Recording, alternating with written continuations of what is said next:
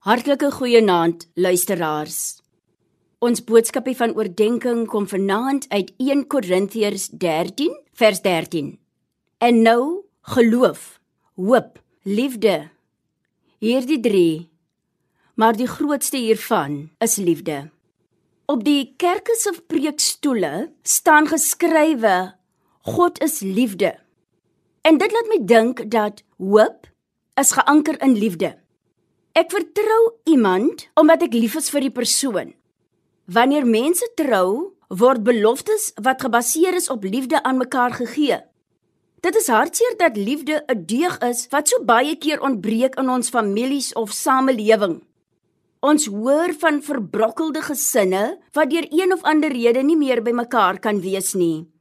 Mense wonder dan wat het van die troubeloftes geword wat tussen man en vrou met 'n eed afgelê was.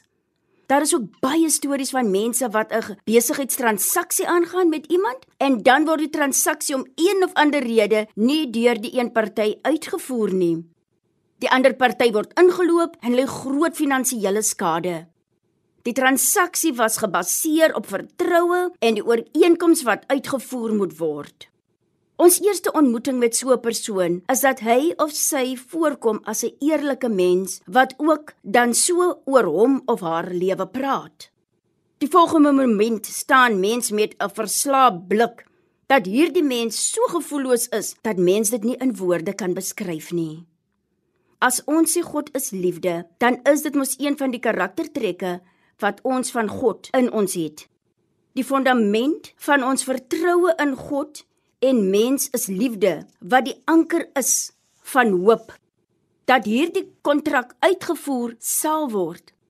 Onthou, al kan mense mekaar nie meer vertrou nie, God bly getrou. God is liefde en sal ons nooit teleurstel nie.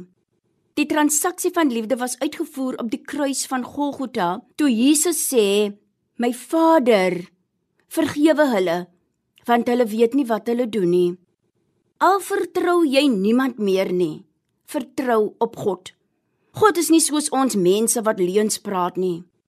Eendag antwoord Jesus een van sy disippels: As iemand my liefhet, sal hy my woorde ter harte neem, en my Vader sal hom lief hê, en ons sal na hom toe kom en by hom woon. Wanneer u moedeloos voel, neem jou Bybel op, lees 'n paar gedeeltes in die woord en kyk wat God in jou binneste vir jou fluister.